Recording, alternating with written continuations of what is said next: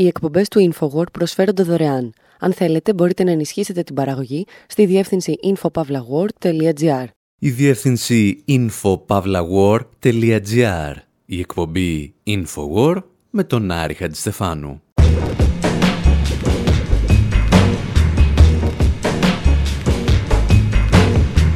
Όπου σήμερα ακούμε μερικά τραγούδια για έναν πολιτικό κρατούμενο, τον οποίο το FBI κρατά φυλακισμένο εδώ και σχεδόν μισό αιώνα, τον Λέοναρτ Πέλτιε.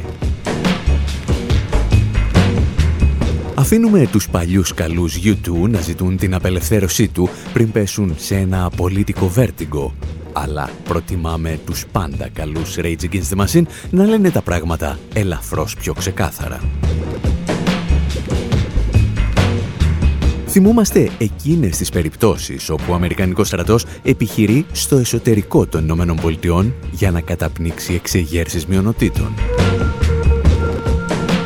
Επίσης, θυμόμαστε ότι πριν από μισό αιώνα ο Μάρλον Μπράντο αρνήθηκε να δεχθεί ένα Όσκαρ και αποχαιρετά τη γυναίκα που δεν το παρέλαβε για λογαριασμό του.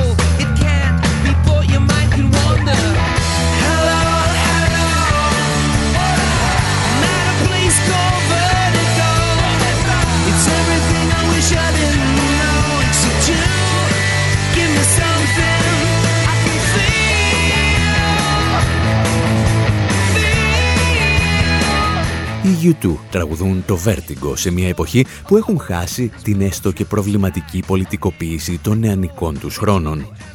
Το τραγούδι παρόλα αυτά, ή ίσως ακριβώς γι' αυτά, γίνεται επιτυχία.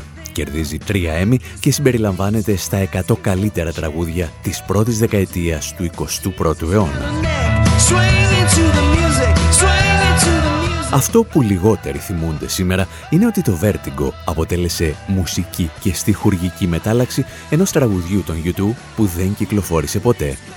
Λεγόταν Native Son, ο ηθαγενής γιος, και ο Μπόνο αποφάσισε να το θάψει για λόγους που ίσως και να μην μάθουμε ποτέ. Και εκείνο το τραγούδι θα πήγαινε κάπως έτσι.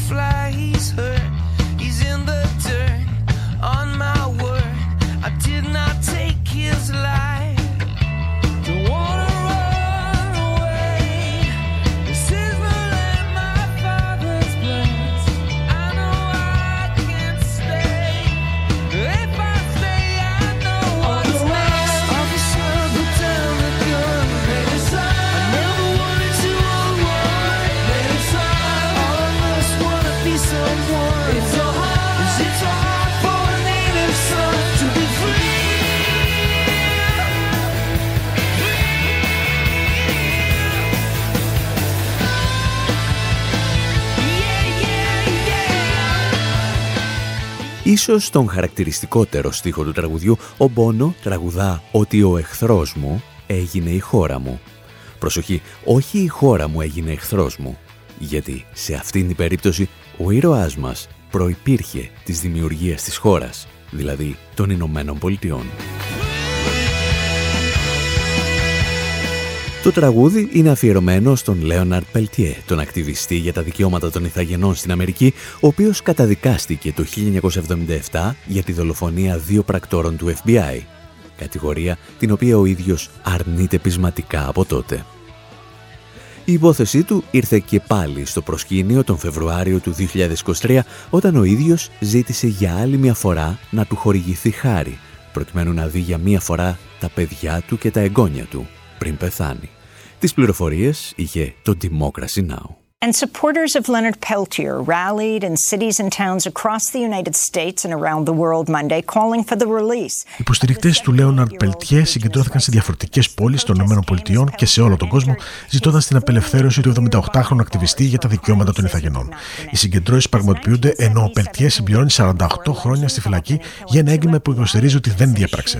Καταδικάστηκε το 1977 με την κατηγορία της δολοφονίας δύο υπαλλήλων του FBI κατά τη διάρκεια ανταλλαγής πυροβολισμών στο Pine η δικαστική διαδικασία είχε πολλές παρατυπίες. Πριν από ένα μήνα, μάλιστα, πρώην ανώτατη εξωματούχος του FBI δήλωσε ότι προώθησε μυστικά σε μέσα ενημέρωσης κείμενα εναντίον της απελευθέρωσης του Πελτιέ.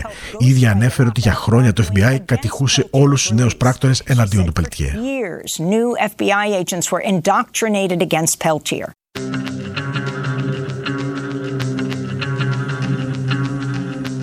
Την απελευθέρωση του Πελτιέ είχε ζητήσει στο παρελθόν ο Νέλσον Μαντέλα, η μητέρα Τερέζα, ο Δαλάη Λάμα και φυσικά δεκάδες οργανώσεις ανθρωπίνων δικαιωμάτων όπως η Διεθνής Αμνηστία. Πάντα όμως τα αιτήματα έπεφταν πάνω στην εκδικητική μανία του FBI, που όπως ακούσατε φύτευε κείμενα σε μέσα ενημέρωσης και δίδασκε τους νέους πράκτορες να μισούν τον συγκεκριμένο πολιτικό κρατούμενο. Για να καταλάβουμε γιατί συνέβαιναν όλα αυτά, θα πρέπει να ταξιδέψουμε μερικά χρόνια πριν από το θάνατο των δύο πρακτόρων του FBI και να δούμε το πολιτικό κλίμα που επικρατούσε. Ένα κλίμα τόσο βαρύ, ώστε το Αμερικανικό κράτος δεν δίσταζε να αναπτύσσει τις ένοπλες δυνάμεις του εναντίον των Ιθαγενών Ινδιάνων, δηλαδή εναντίον των ίδιων του των πολιτών. κατά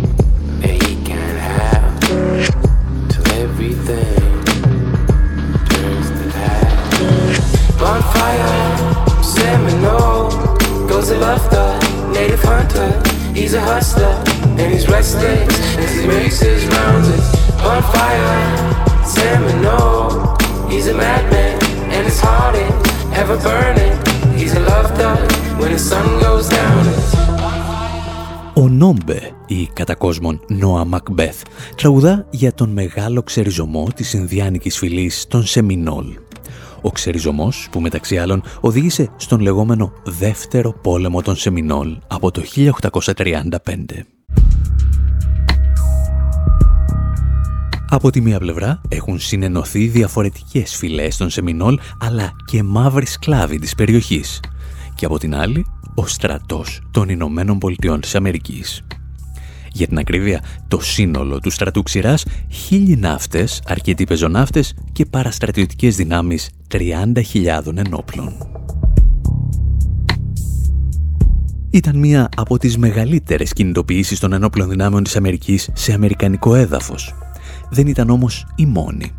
Σύμφωνα με τον πανεπιστημιακό David Adams, μετά τον Αμερικανικό εμφύλιο, ο Ομοσπονδιακός στρατός θα κινητοποιηθεί άλλες 943 φορές εναντίον ηθαγενών.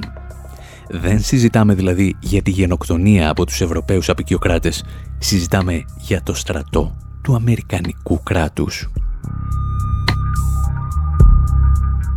Και αν νομίζετε ότι αυτά συνέβαιναν το 19ο αιώνα, να σας θυμίσουμε ότι η τελευταία στρατιωτική επέμβαση εναντίον Ιθαγενών έγινε το 1973, επί Προεδρίας Νίξον.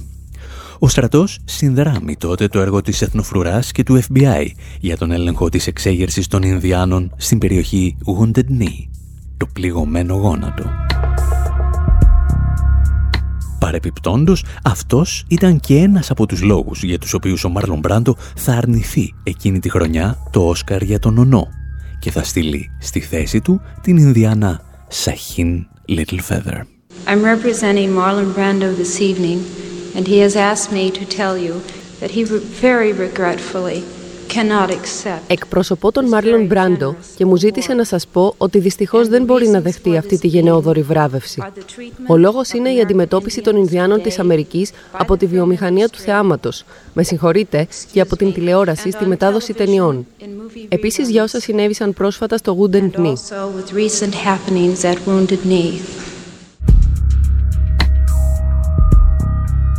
Παρεπιπτόντος, το Wounded Knee ήταν η περιοχή όπου το 1890 ο Αμερικανικός στρατός είχε σφαγιάσει εκατοντάδες ηθαγενείς, η μισή από τους οποίους ήταν γυναίκες και παιδιά.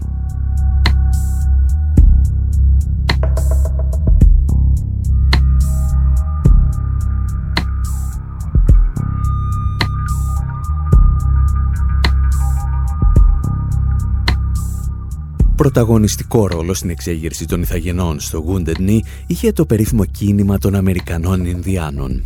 Πρόκειται για την πιο ριζοσπαστική οργάνωση για τα δικαιώματα των Ιθαγενών, η οποία εκείνη την εποχή είχε αποκτήσει ακόμη και ένοπλο τμήμα. Το κίνημα των Αμερικανών Ινδιάνων είχε δημιουργηθεί μαζί με τον Παγκόσμιο Μάη του 1968 που επηρέασε και δημιούργησε κινήματα από τη Γαλλία και τις Ηνωμένες Πολιτείες μέχρι τη μακρινή Ιαπωνία. Ο Λέοναρτ Πελτιέ θα ενταχθεί σε αυτό το κίνημα και τη συνέχεια της ιστορίας αναλαμβάνουν να διηγηθούν οι Rage Against the Machine.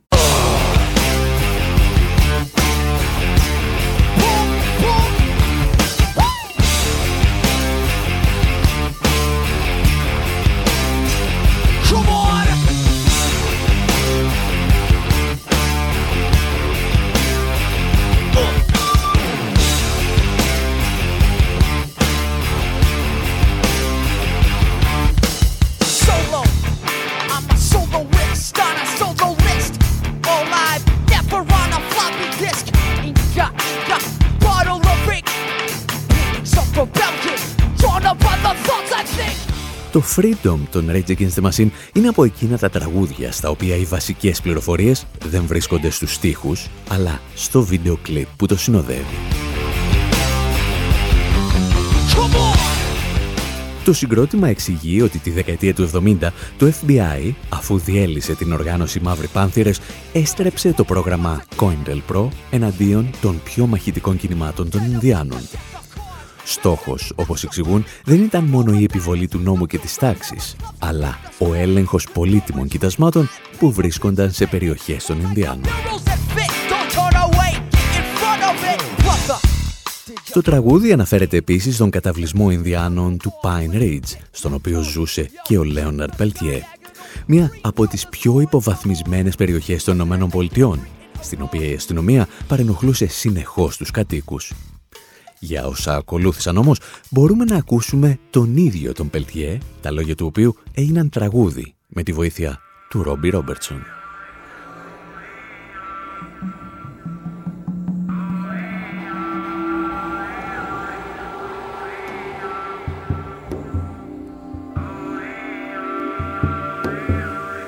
You know, we have a million stories to tell. I'm just one of a million or more stories that can be told.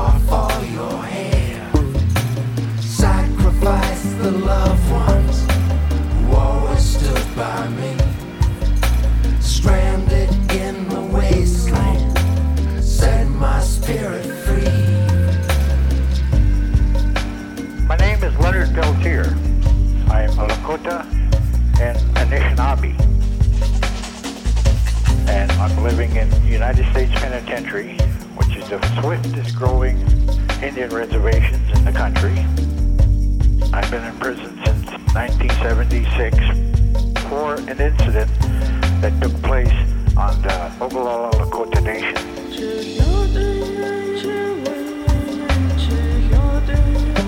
There was a shootout between members of the American Indian Movement and the FBI and then the local sheriffs, state troopers,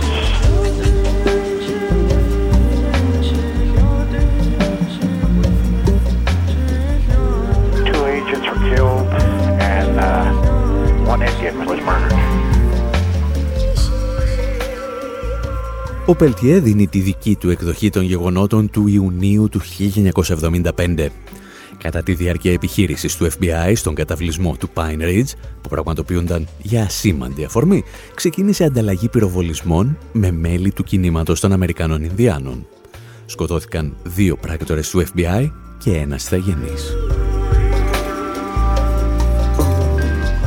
Από τους τρεις κατηγορούμενους, συνεχίζει ο Πελτιέ, οι δύο αθωώθηκαν, ενώ ο ίδιος καταδικάστηκε παρά το γεγονός ότι το δικαστήριο δεν κατάφερε ποτέ να αποδείξει την ενοχή του. Χρειαζόταν όμως να παρουσιάσει έναν ένοχο.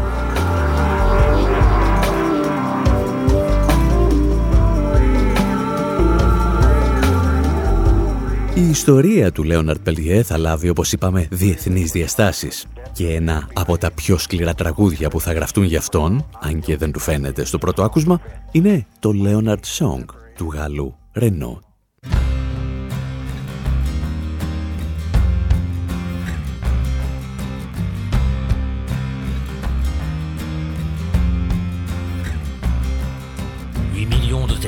Génocidés naguère sur ce qui fut la terre sacrée de tes ancêtres.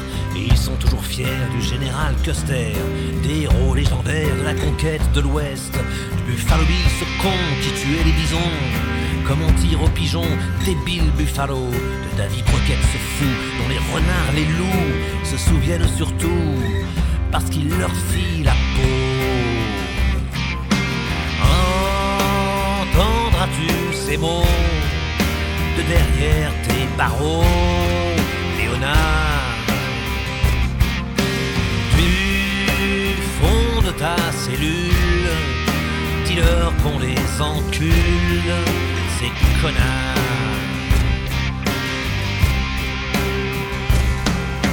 Ce peuple de barbares, ce pays blanc et noir, a construit son pouvoir sur le sang des Cheyennes. Mais les livres d'histoire ont perdu la mémoire pas un mot à la gloire de ces nations indiennes qui respectaient la vie et la terre et ses fruits et prêtaient aux fourmis une âme magnifique. Pas de drapeaux en berne pour qu'un môme se souvienne de cette Shoah ancienne qui a bâti l'Amérique. Ο Ρενό συγκρίνει ανοιχτά τη γενοκτονία των Ινδιάνων με το ολοκαύτωμα του Δευτέρου Παγκοσμίου Πολέμου. Αν και οι αριθμοί των θυμάτων που παρουσιάζει, στην περίπτωση των Ινδιάνων, είναι συντριπτικά μεγαλύτερη. Καθώς ο Ρενό αναπτύσσει τα επιχειρήματά του, παίρνει ο διάολος και ορισμένα από τα γνωστότερα ονόματα Αμερικανών στρατηγών που πραγματοποίησαν εγκλήματα κατά της ανθρωπότητας εναντίον των Ινδιάνων.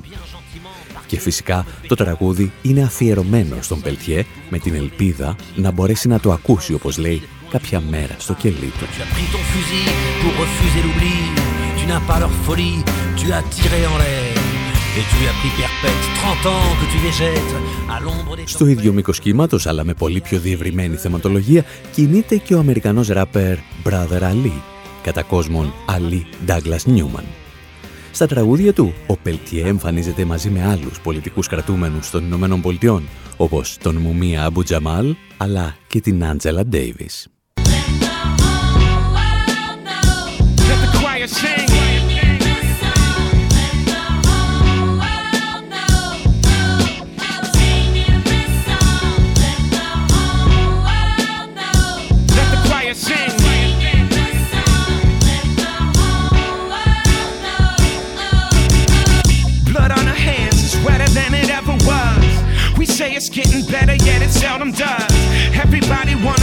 but what gets discussed? When it's all said and done, what'll be said of us?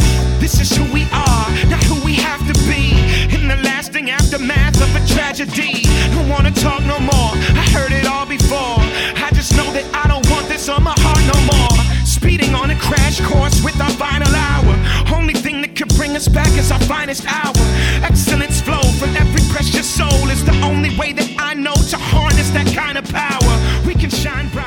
Ο Brother Ali έχει τη δική του πολύ ενδιαφέρουσα ιστορία να διηγηθεί δίπλα στις ιστορίες πολιτικών κρατουμένων. Ο ίδιος πάσχει από αλμπινισμό και όπως εξηγεί, αυτό τον βοήθησε να καταλάβει πώς είναι να σε μισούν στην ίδια σου τη χώρα για το χρώμα του δέρματός σου. Και μπορεί αυτός ο ρατσισμός να μην έχει τα θεσμικά χαρακτηριστικά του ρατσισμού εναντίον των μαύρων και των ηθαγενών, αλλά σου δίνει μια μικρή γεύση. Για την ιστορία, ο Μπράδερ Αλή έχει καταλήξει αρκετές φορές στην ασφάλεια γιατί συμμετέχει σε κινητοποιήσεις εναντίον εξώσεων. Ενώ παλαιότερα το Υπουργείο Εσωτερικής Ασφάλειας του είχε μπλοκάρει και τον τραπεζικό λογαριασμό για την κριτική που ασκούσε σε παλαιά και νέα εγκλήματα της Ουάσιγκτον.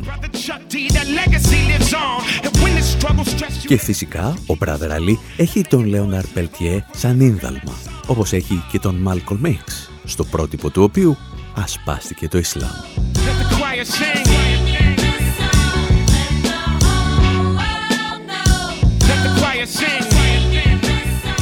Εσείς πάλι μένετε εδώ, γιατί ύστερα από ένα μικρό διάλειμμα, πάλι με τον Brother Ali, επιστρέφουμε με διαφορετικές ιστορίες.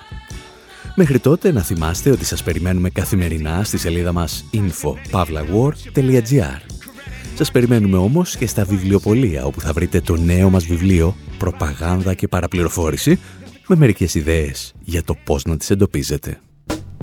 Come on, let's go. Welcome to the United Snakes, land of the thief, home of the slave.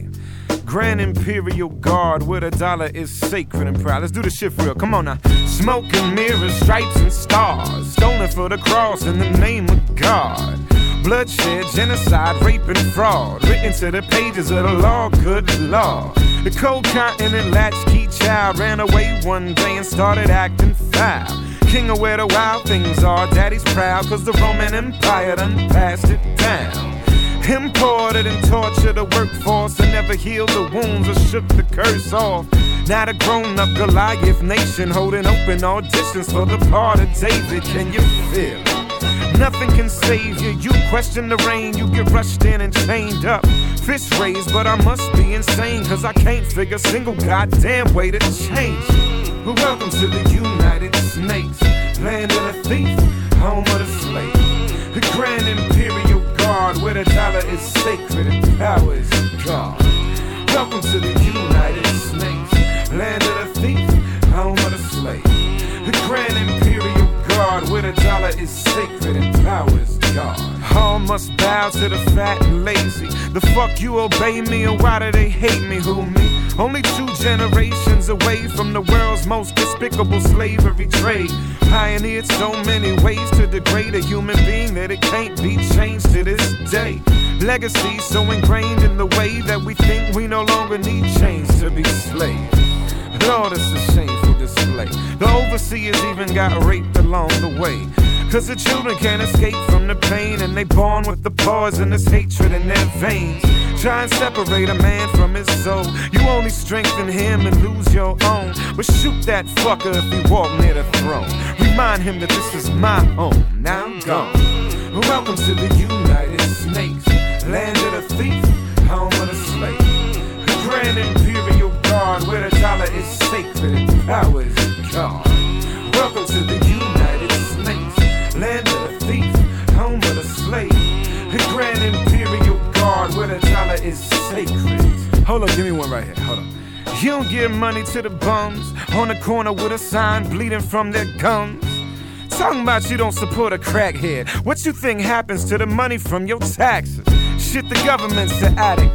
With a billion dollar a week, kill brown people habit. And even if you ain't on the front line when Master yell crunch time, you right back at it. Man, look at how you hustling backwards. At the end of the year, add up what they subtracted. Three out of 12 months, your salary pay for that madness. Man, that's savage. What's left? Get a big ass plasma to see where they made Dan rather point the damn camera. Only approved questions get answered. Now stand your ass up for that national anthem. Welcome to the United States, land of the thief, home of the slave. The grand imperial guard where the dollar is sacred and power is God. Welcome to the United Land of the thief, home of the slave. Grand imperial guard where the dollar is sacred and power is God.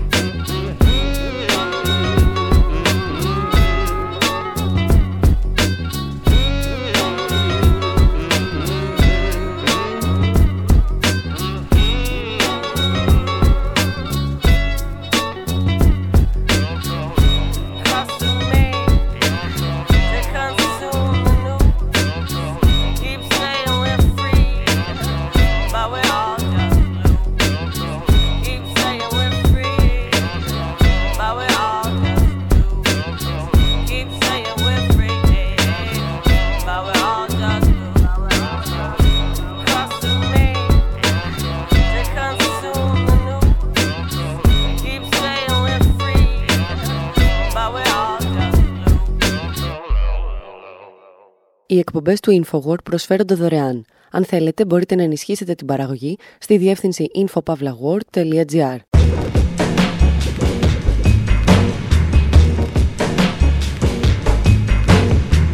όπου σήμερα είπαμε να ασχοληθούμε με όσα άφησε πίσω του ο Πρώτος Παγκόσμιος Πόλεμος. Και δεν αναφερόμαστε ούτε στα εκατομμύρια νεκρούς, ούτε στα χημικά όπλα, ούτε καν στις συνθήκες που προετοίμασαν το έδαφος για την άνοδο του φασισμού και του Δευτέρου Παγκοσμίου Πολέμου. Αναφερόμαστε στο κίνημα του ντανταϊσμού. Αναρωτιόμαστε αν ο David Bowie ήταν νταντά όταν έκοβε τους στίχους των τραγουδιών του σε χαρτάκια και τα ανακάτευε σε ένα τραπέζι. Υποπτευόμαστε ότι ο Φρανκ Ζάπα ήταν απόλυτα νταντά όταν έγραφε κομμάτια για ορχήστρα και δύο ποδήλατα και είμαστε σχεδόν σίγουροι ότι κάτι παρόμοιο έκαναν και οι Monty Python με την χαρτοκοπτική τους.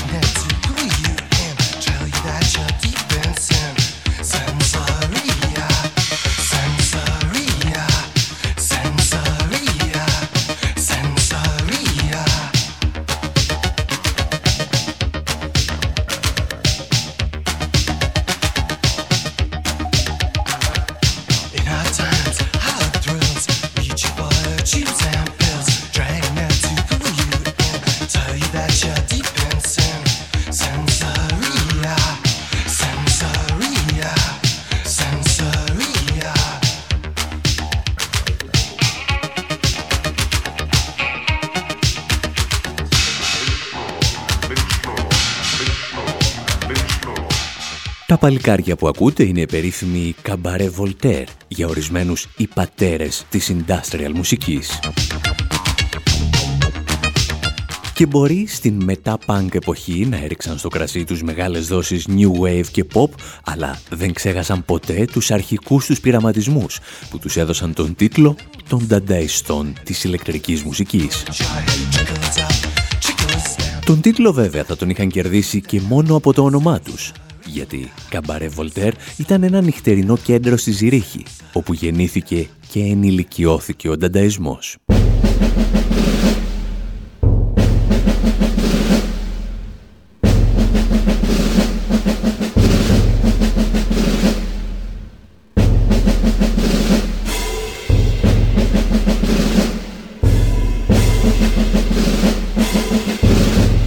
Βρισκόμαστε στα μέσα του Πρώτου Παγκοσμίου Πολέμου και μαζί με την λογική καταραίει και η τέχνη.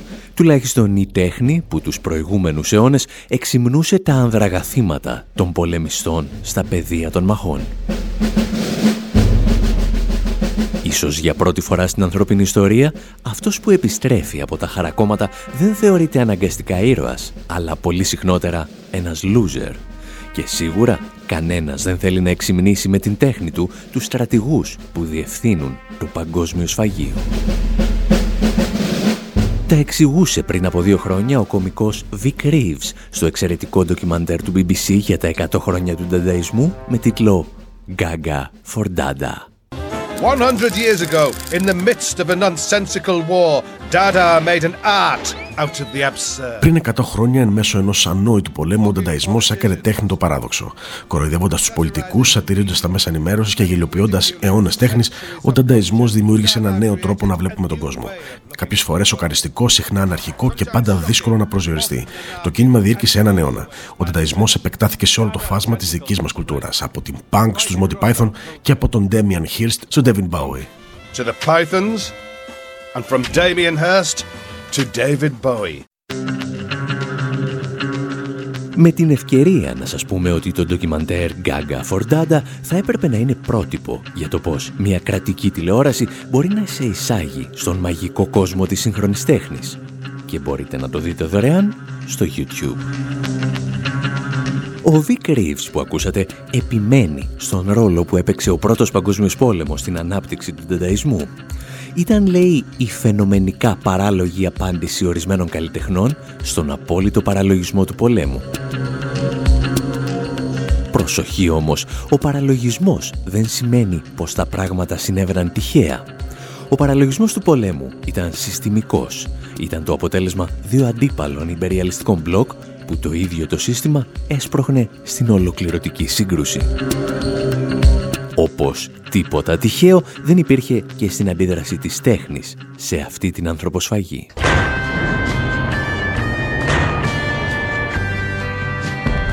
In 1916, Europe was tearing itself apart. Το 1916 η Ευρώπη καταστρεφόταν και κάποιοι δεν ήθελαν πια να είναι μέρος της τρέρας που έβλεπαν γύρω τους.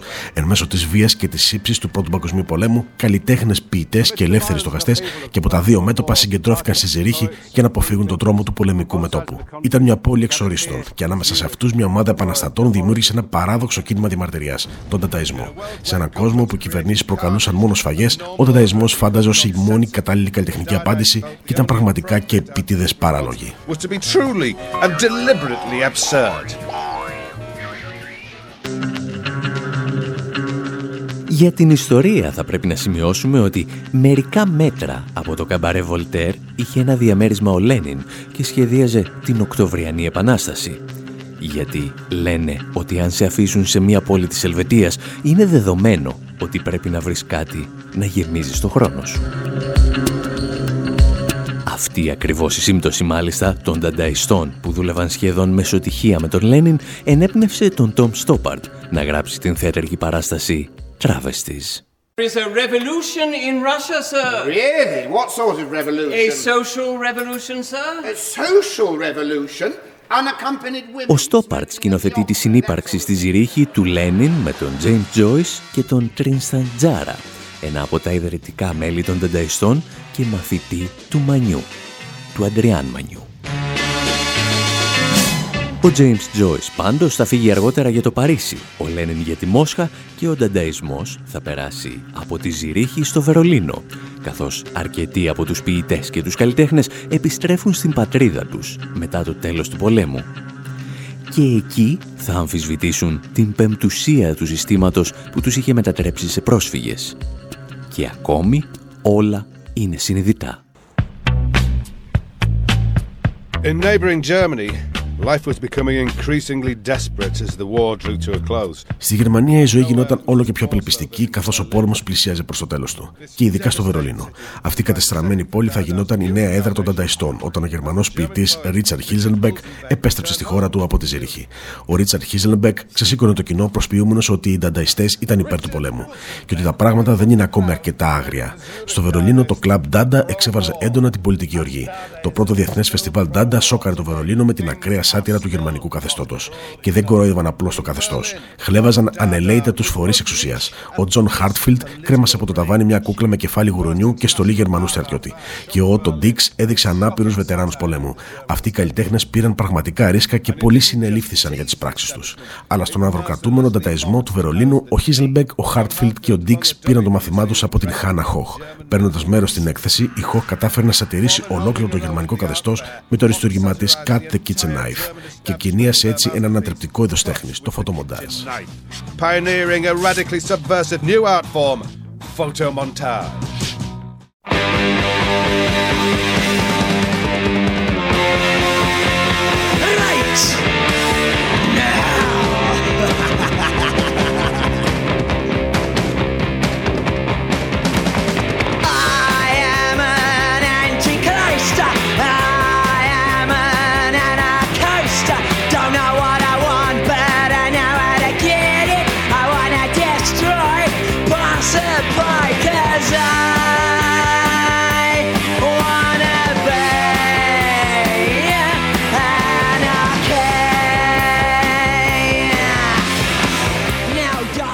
Από εκείνα τα έργα των πρώτων δανταϊστών θα προκύψουν τεχνικές και τέχνες όπως η γραφιστική, όπως τις γνωρίζουμε τις τελευταίες δεκαετίες.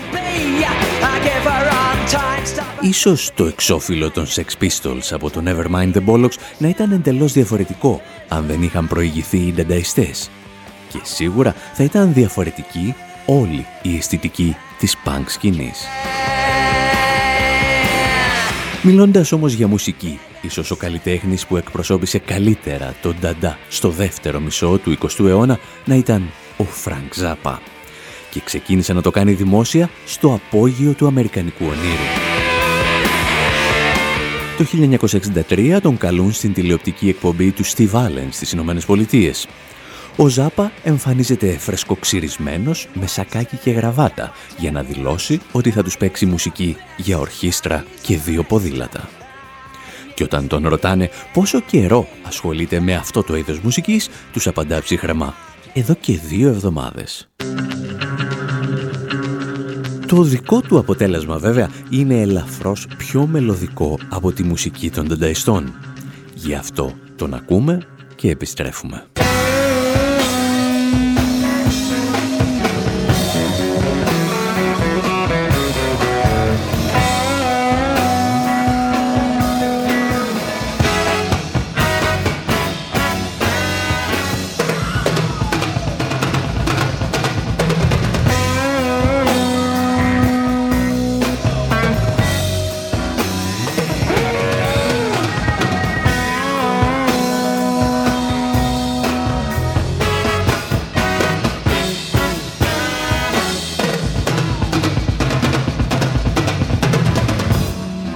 About to get sick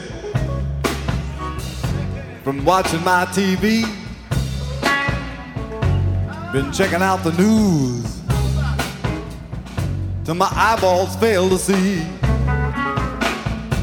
I mean to say that every day is just another rotten mess, sure enough. And when it's gonna change, my friend, is anybody's guess. So I'm watching and I'm waiting. I'm hoping for the best. Even think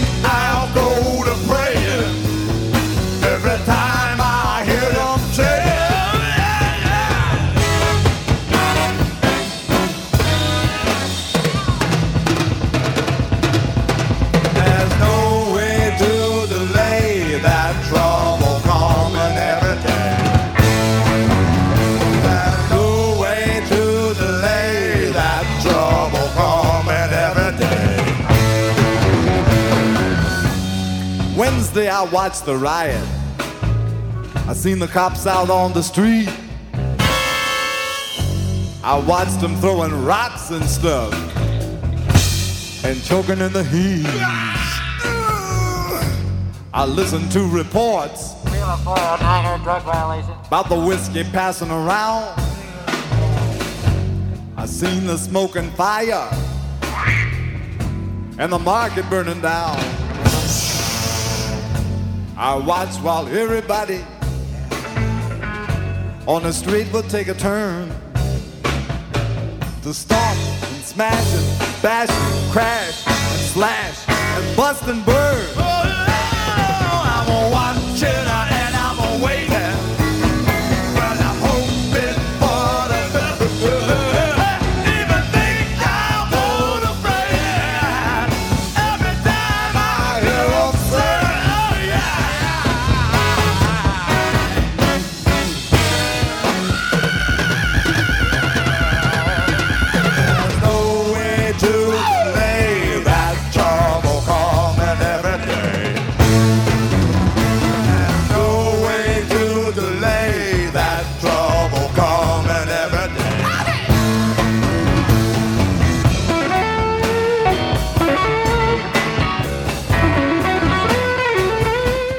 Στην εκπομπή Infowar με τον Άρη Χατζηστεφάνου ξεκινήσαμε από το τέλος του Πρώτου Παγκοσμίου Πολέμου για να γνωρίσουμε τον Ντανταϊσμό και από αυτόν περνάμε στους συνεχιστές του.